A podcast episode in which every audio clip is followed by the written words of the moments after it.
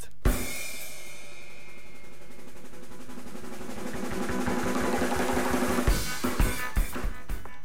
Nesreča oziroma bolje rečeno katastrofa v nuklearki Fukushima Daiichi leta 2011, do katere je prišlo zaradi potresa in posledičnega cunamija, je ponovno ukrepila bojazni v zvezi z rabo jedrske energije v miroljubne namene.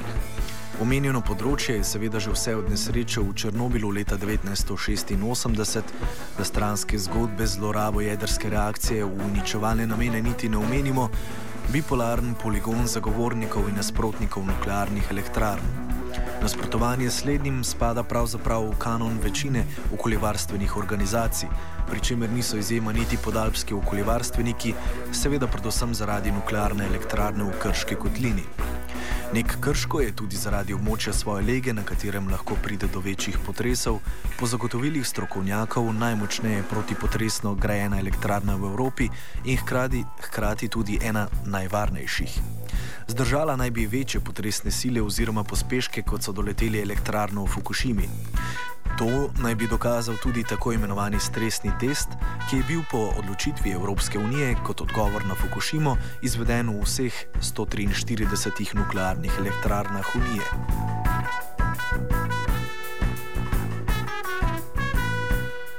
Fokus, Društvo za sonaraven razvoj in Greenpeace Slovenija sta se včeraj na podlagi novic in informacij, ki so 11. oktober zaokrožile po medijih, objavljene pa so bile tudi na spletnih straneh Krške nuklearke in državne uprave za jedrsko varnost, naslednjo naslovila odprto pismo v zvezi z, kot pravita, nedavnim incidentom v Neku. Tomislav Tkalec, vodja programa Energija pri Fokusu, je za našo oddajo povzel pol preteklo zgodovino dogodkov. Ja, torej, tudi v nuklearki so že 11.10. poročali, da je prišlo do poškodbe eh, gorivnih palic. Zdaj, potem smo mi dobili še dodatne informacije eh, glede tega dogodka, da se je del teh gorivnih palic eh, utrgal in je odletel na dno bazena, torej na poti med reaktorsko posodo in bazenom za izrabljeno gorivo. Um, tega ni bilo rečeno v javnosti, takrat torej nas je zanimalo, kaj več glede tega. Um, drug dogodek bi se pa tudi naj zgodil nekje v bistnem času, uh, oziroma ja, takrat enkrat v turbinski zgradbi naj bi prišlo do požara, um, zaradi česar je bilo potrebno evakuirati delavce. Zdaj mi smo dobili te informacije, ki niso bile dostopne v javnosti, zato jih tudi nismo mogli preveriti, zato smo pa tudi naslovili pismo potem na upravo za jedrsko varnost. No, ta je danes uh, odgovorila na vaše vprašanje so vas teli odgovori zadovoljili in potem takem lahko govorimo mogoče samo še o premalo transparentnem obveščanju javnosti, ali so teli odgovori za vas nezadovoljivi? Uh, če začnem kar takole, problematično je že to, da smo morali pošiljati pismo v zvezi s temi dogodki, da uh, niso prišle vse informacije pravi čas ven. Torej, podali so zgolj nekaj osnov, da je prišlo do poškodb gorivnih palic, uh, niso pa kaj več povedali. Tudi o tem drugem dogodku, um, o požaru, tako, če se je zgodil ali ne, pač prišlo je do, kot so napisali potem v odgovoru, da je prišlo zgolj do, eh, do požarnega alarma, ki se je vklopil zaradi nekega smradu, ki tudi če ne ve, odkot naj bi bil. Um, torej, že to je problematično, da smo morali pisati to pismo. Um, nismo pa še končali korespondence, bom tako rekel. Eh, mi smo popolnoma zadovoljni z vsemi odgovori. Eh, problem je vsekakor transparentnost in obveščanje javnosti, ampak ne vem, če se bo vse skupaj tu končalo.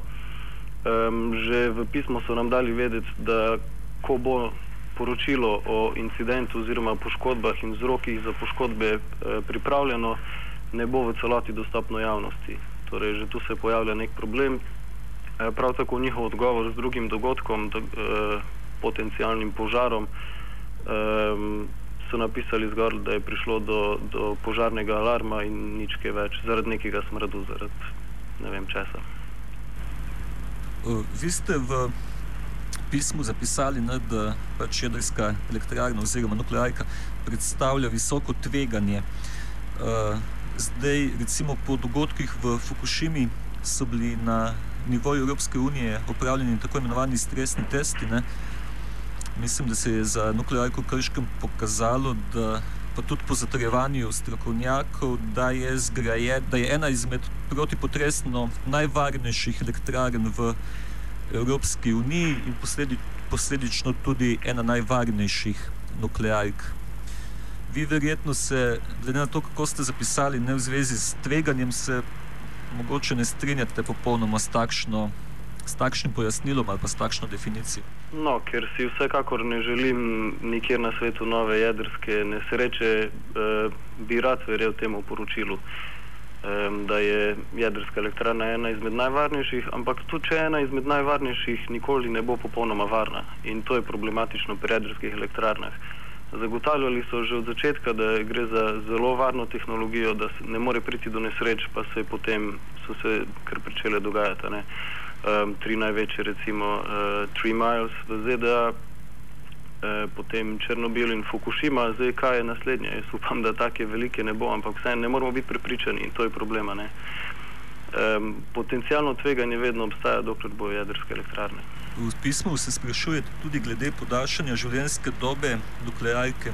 Tudi tle naj bi bilo premalo transparentnosti oziroma premalo obveščanja javnosti. O tem se že dolgo govori, tudi eh, postopki eh, se peljejo v to smer.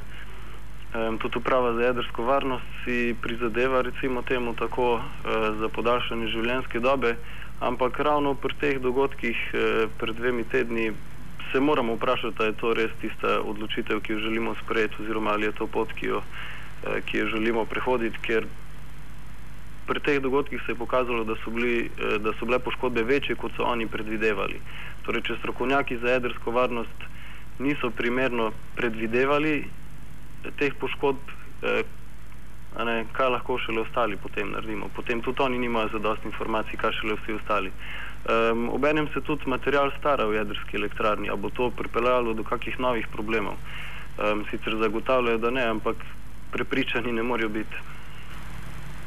Zdi se, da recimo v javnosti ali pa v družbi nasploh ne prihaja do cikličnega, močnejšega nasprotovanja ali pa močnejšega zagovarjanja rabe jedrske energije v miroljubne namene, glede na nesreče, ki se dogajajo. Ne. Tako je bilo recimo pred leti, vem, da so v Nemčiji že govorili o a, zaprtju vseh nukleark nekje po letu 2020. Govor, a, kmalo zatem pa se je spet govorilo o nekakšni tako imenovani jedrski renesansi, ne, se pravi uh, povečanem zagovarjanju jedrskih elektrarn. Kako vi gledate na to ciklično naraščanje oziroma padanje podpore jedrskim elektrarnam? Uh, če sem lahko malo nesramen, uh, pa naj se zadeva ne navezuje samo na, na jedrsko energijo, ampak ljudje imamo večinoma spomin kot ribica, torej nas čez dve leti spet isti nategujejo z istimi zadevami. Um, kar se vidi čisto jasno pri političnih zadevah.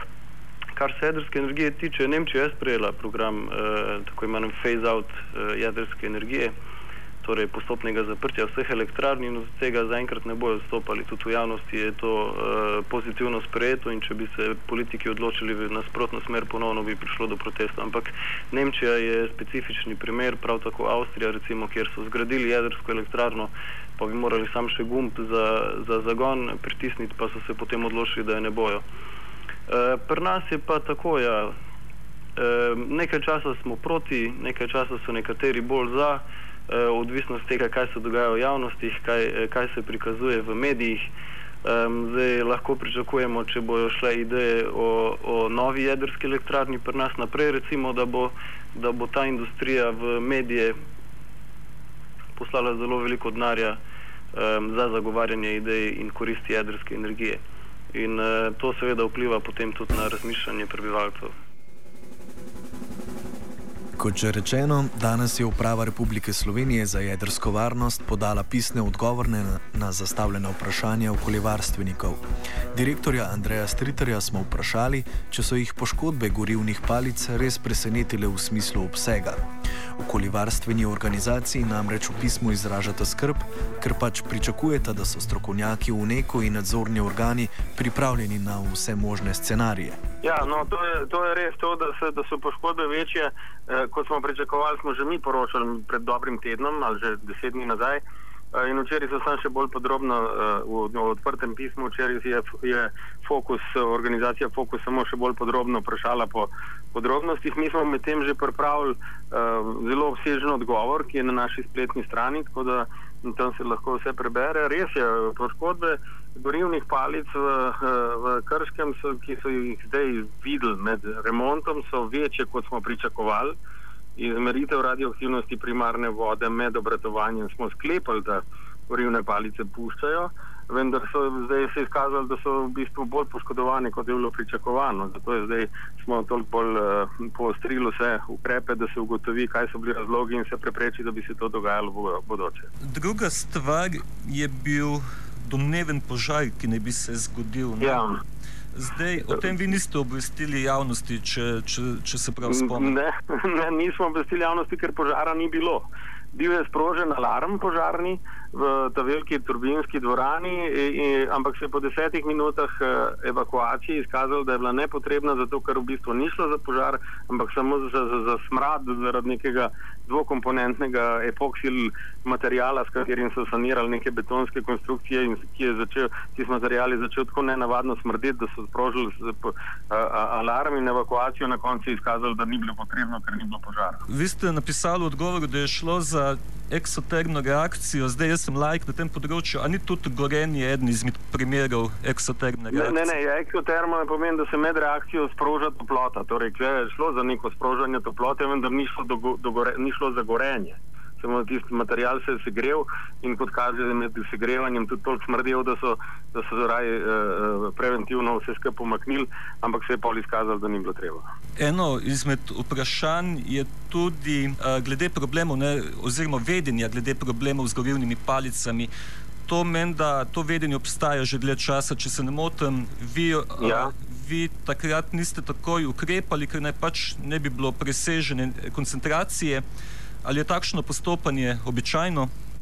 Ja, veste, med obratovanjem elektrarne se do gorivnih elementov ne da. Oni so zaprti noter v, v, v, v reaktorju in se lahko sklepa na njihovo stanje samo po meritvah radioaktivnosti primarne vode. In zdaj, seveda, če ta, te meritve radioaktivnosti ne dosegajo nekih nivojev, ki so že vnaprej eh, določen, ni potreba, da bi ustavljali in šli gledati posamezne elemente. In tokrat med obratovanjem je ta radioaktivnost dosegla samo okrog 3% tiste, tiste dopu, dopustne radioaktivnosti, zato seveda ni bilo, ni bilo niti smiselno, niti potrebno eh, zahtevati neke takojšnje ukrepe, ampak se je počakalo do remonta, eh, kar, je, kar je sicer običajna praksa. Morate vedeti, da je v elektrarni eh, nekaj čez 28 tisoč takih gorivnih palic in zdaj pušča jih samo nekaj. Zdaj, ne? da to je da, da, eh, zelo majhen de, delež vseh palic. Eh, v bistvu je pa tisti nivo, nivo radioaktivnosti nastavljen tako, da bi lahko en procent palic, torej nekaj sto palic bi lahko puščalo, pa, bi, pa še ne bi dosegli tistega nivoja. Mi smo bili daleč pod tem. Kaj je storila nek v zvezi z vašo pisno zahtevo o opravljenih analizah v zvezi s temi dogodki? Ja, opravljajo analize. Torej, oni so premerili vse, vse eh, gorivne elemente bolj podrobno, kot so prevodno načrtovali pred remontom. Zdaj so šli preveriti vse elemente z vsemi metodami, ki so na razpolago. Obstaja več metod. Ena je, da se da element v posebno posodo in se meri, koliko plinov iz njega izhaja, druga je vizualna, tretja je z ultrazvokom. In se s tem, s tem, s tem uh, pregledi so potem ugotovili, koliko je res takih, ki so poškodovani. Uh, in, in tisti, seveda, na srečo so vsi tisti, ki itak niso bili namenjeni za, usreditev nazaj, da bi šli nazaj v usreditev, ampak so pač že izrabljeni, te ostanejo zuni. Uh, zdaj, za, za, za ponovno nalaganje sredice se pa tudi zdaj analizira, kaj so bili potencijalni vzroki. Uh, in se za vsako, vsakega od teh potencijalnih vzrokov se skuša zoptimirati uh, uh, pripravo sredice. Recimo, eden od ukrepov bo, da se tam, kjer se sumi, da bi zaradi velike turbulence ob robu, uh, turbulence vode ob robu uh, gorivnih elementov, da zaradi tega prihaja do poškodb, tam se bo dal na mesto gorivnih palic, se bo dal slepe cevi, slepe palice, da, da tudi če bojo poškodovane, ne bo nobene škode. Pričakuje se še končno poročilo, v katerem pa ne bi bile lahko tudi nekatere stvari uh, zamovčane, tako rekoč. Eh, zakaj pa kaj je lahko predmet teh javnosti nedostopnih informacij? Ne, ne, to, to je edini razlog za nedostopnost je komercialne narave. Torej, firma Westinghouse, eh, ko po lažnih izkušnjah vemo, da, da, da, da, da ne radi dajo vse podrobnosti o, o konstrukcijskih detajlih svojih gorivnih elementov v javnost in gor pritisnejo tiste omejitve glede industrijske lastnine in zato tudi to ne smemo, ne smemo javno objavljati. Ampak vsekakor pa v izsledkih in v razlogih pa ni ovir, bomo na razpolago za vse, vse obrazložitve.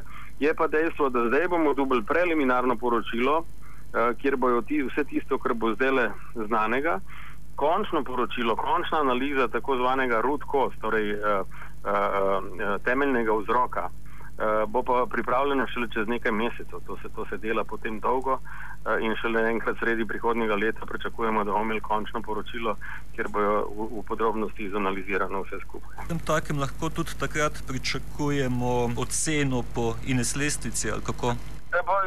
Ceno zdaj sicer smo včeraj napisali, da še nismo naredili, jaz sem danes pol malo sitnaro med mojimi fanti, da so mi razložili, da v bistvu bo to nula. Ne. Kot kaže, bo to nula, ker ni bilo nobenih izpustov v okolje, nihče ni bil ogrožen uh, in, in bo to kar nula. Uh, bil, v bistvu ni bil obratovalni dogodek, ni se ni zgodil, ampak se je samo ugotovil.